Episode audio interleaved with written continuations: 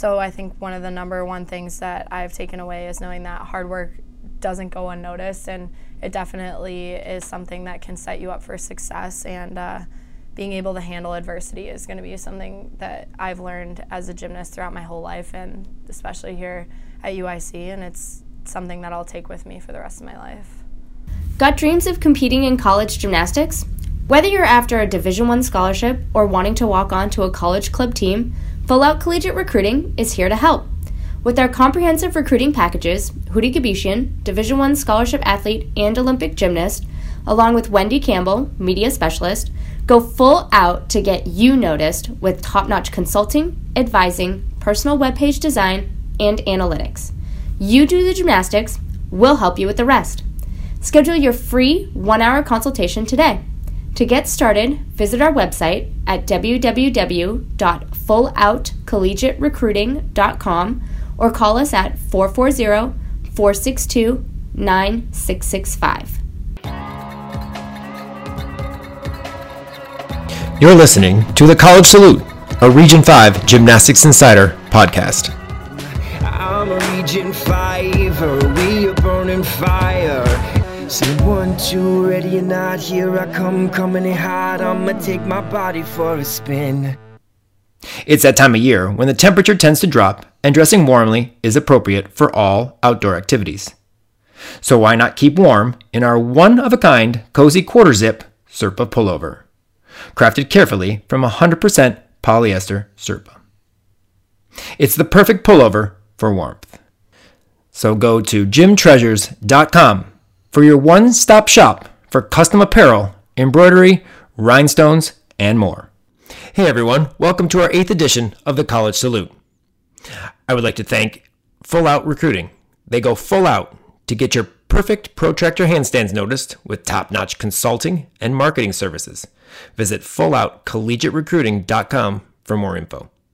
Spieth America, for over 50 years, one of the most trusted gymnasium and sports equipment manufacturers in North America and Gym Treasures, your one stop shop for custom gymnastics apparel and team and spirit wear for you to cheer on your favorite teams.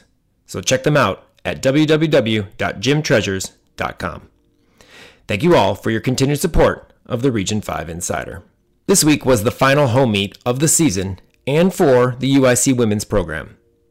As most of you know, UIC, unless something big happens in the next few months, will be dropping their men's and women's gymnastics programs at the end of the season. It's really saddening that this um, is not getting pulled around to reinstate this team because they're doing amazing. They went up against NIU this weekend and they went 195.5, NIU 193.975. Um, they they had a great meet and they're doing really well. So the fact that they're this is their last home meet was kind of sad. And looking around the gym, they had banners up and posters of all the girls on the team, and every girl got a personalized um, picture frame with their picture in it, a medal, and um, you know a couple other another picture on the bottom. I couldn't really see, but every athlete got one, and that was really nice just to kind of commemorate you know their time at UIC. And you know deep down inside, it's still my hope that they will you know change their mind and reinstate this team prior to next year. Um, I think us as a gymnastics community need to keep pushing forward and keep trying to, you know, stay on them. We've the gymnastics community has done it before with Cal, so let's. I think we need to get out there and send letters still and try to try to re flip this decision.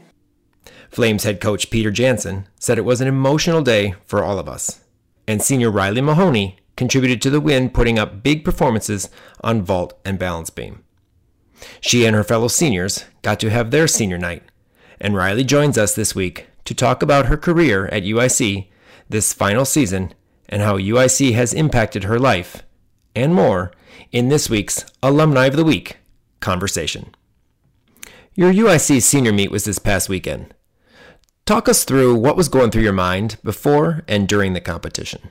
Yeah, so I definitely was nervous in the beginning, um, but I really just kind of took in those feelings and enjoyed it because I know that's something I'm probably, these feelings when I compete gymnastics are not something that I'm going to get doing anything else. So um, once I was able to kind kind of calm my nerves a little bit. I just wanted to have fun and enjoy it. So it was really just about being there with the team and enjoying every moment that I was able to compete my last home meet as a UIC gymnast. So Looking back on your four years at UIC, what moments stick out as memorable or impactful on you?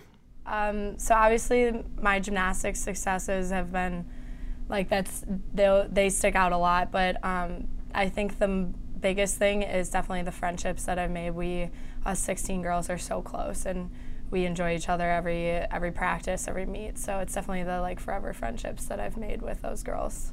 Besides your age, what is the biggest change from the freshman Riley to the one now in 2019? Um, my mental game as a competitor has definitely really gotten a lot stronger, and that's something Peter and Mary have worked closely with me to, you know, um, be able to like capitalize on my adrenaline and be just like a strong competitor because I was able to, you know, do a lot of things in practice, but when it came to competition, it was just really trying to polish up how I was as a competitor that way. There are five seniors, including yourself, on this team. How challenging has it been for you guys to enjoy and take in every part of your last year, all the while dealing with the bucket of emotions that your teammates are feeling with the program being dropped after this season? Yeah, so I mean, honestly, this news was absolutely terrible and sad to hear, and um, we were all very devastated. But when I kind of took a step back and realized what us five seniors are going through as compared to the rest of those those other girls, I kind of realized that um, what we're going through is nothing compared to them. As they, as I was going into this year, knowing for sure this was going to be my last year as a competitor, and I knew that because I'm a senior, and those girls didn't know that. Now they know that. So now I'm just trying to make sure that they enjoy every last moment of this season. And obviously, this news is sad and it's really hard and inevitable to um, like not think about it because it comes up here and there. But Peter and Mary have really like instilled in us that what we do have is this year and we can be together this year and enjoy everything that's going on and all the success that we're having this year. And so I really think that um, I want myself as well as the rest of those girls to just take in every last moment of this year and the amazing year that we're having. It's been so fun. So you guys learned of the program being dropped early into your preseason training this fall. Talk us through what the moment was like and how difficult it was to focus on training and school during the first days and weeks after the news. Yeah, so it really didn't feel real, and like I said, my position's a little different just because I knew this was I was going in as my last year but um, it kind of felt like a dream for a couple days and it was hard to focus but i think like i said peter and mary really tried to just make it as normal as they could and i think that was the biggest thing is it's just acting like this year is just like any other year and just trying to make it very normal and i think that's what why we're having so much success is just trying not our hardest to like focus on that part of it. The 2019 UIC Flames are having an awesome season. You guys currently are making this last year a memorable one. What has been the number one goal of this team so far this season? So, um, like I said, we're having like the greatest year, and it's it's awesome to be a part of that. And uh, I think, like I said, is just enjoying every part and every last moment of this year, and um, enjoying each other as a team and enjoying Peter and Mary as coaches. And um, really, just I think one thing that they taught us too is we're going to go into this year not putting any extra pressure on ourselves. You know, everybody, a lot of people are saying this is going to be your last year, has to be your best year. And um, you can't really put that kind of pressure on yourself, especially with the weight of the situation. So I think it was just kind of trusting our work and um, our work that we did during preseason is just kind of our goal is trusting that in every meet take it take it every meet as a single thing and kind of approach every meet as as one. So um, yeah definitely just trying to enjoy this year is like the biggest goal i think. You have a few more regular season meets before heading into postseason. What are your personal goals for the last few meets of your career? So i think that this year has just gone by so fast and every year does, but I think this year just a little differently has definitely gone by extra fast, and I kind of knew that was going to happen. So now, especially going into this last, you know, half of uh, regular season, it's really starting to get a little surreal. So I think my biggest thing is to um, enjoy the good and the bad because every meet comes with different adversity that you have to deal with, whether your warm ups don't go well or you know whatever something happens in competition. So I think it's really just enjoying those moments as an athlete because that's something that I'm not going to have in a couple in like a month or two. So it's definitely just enjoying those. And then as a team, I think that um, again we're just trying to enjoy each other and face every meet like it's a new one. And uh, every girl is pushing so hard in practice, and it's really made me proud to be a part of this team. Talk about how Peter and Mary have impacted your life and what you feel is the number one thing you have taken away from each during your four years at UIC. So, um, Peter and Mary, I was heavily injured in high school, both my junior and senior year, so I really think they took a chance on me and they definitely saw something in me that I wasn't able to really see in myself, which was kind of awesome because they were then able to um, work with me. And so I think the biggest thing is that they are were very willing to work with me as like a person, a student, and a gymnast. And I think that separates them as coaches definitely.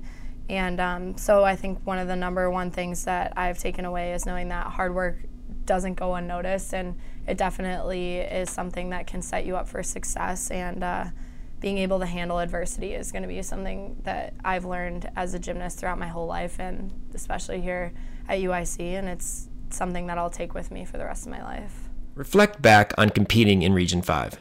And how did being part of Region 5 prepare you for collegiate gymnastics?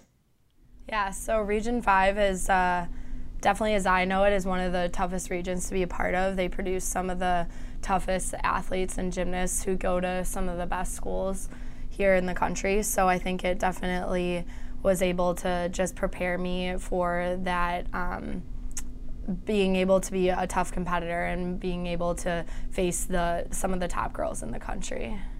What's next for you as you transition out of gymnastics and into this thing called the real world? Yeah, so I'm a finance major and a business analytics minor, so kind of just looking for a job within the next couple months. But um, what I really want to do is uh, be somewhere in the fashion industry. I really enjoy that, so I kind of want to be on the corporate side of fashion as I start to transition here. What has it meant to you to be part of the UIC gymnastics program these last four years?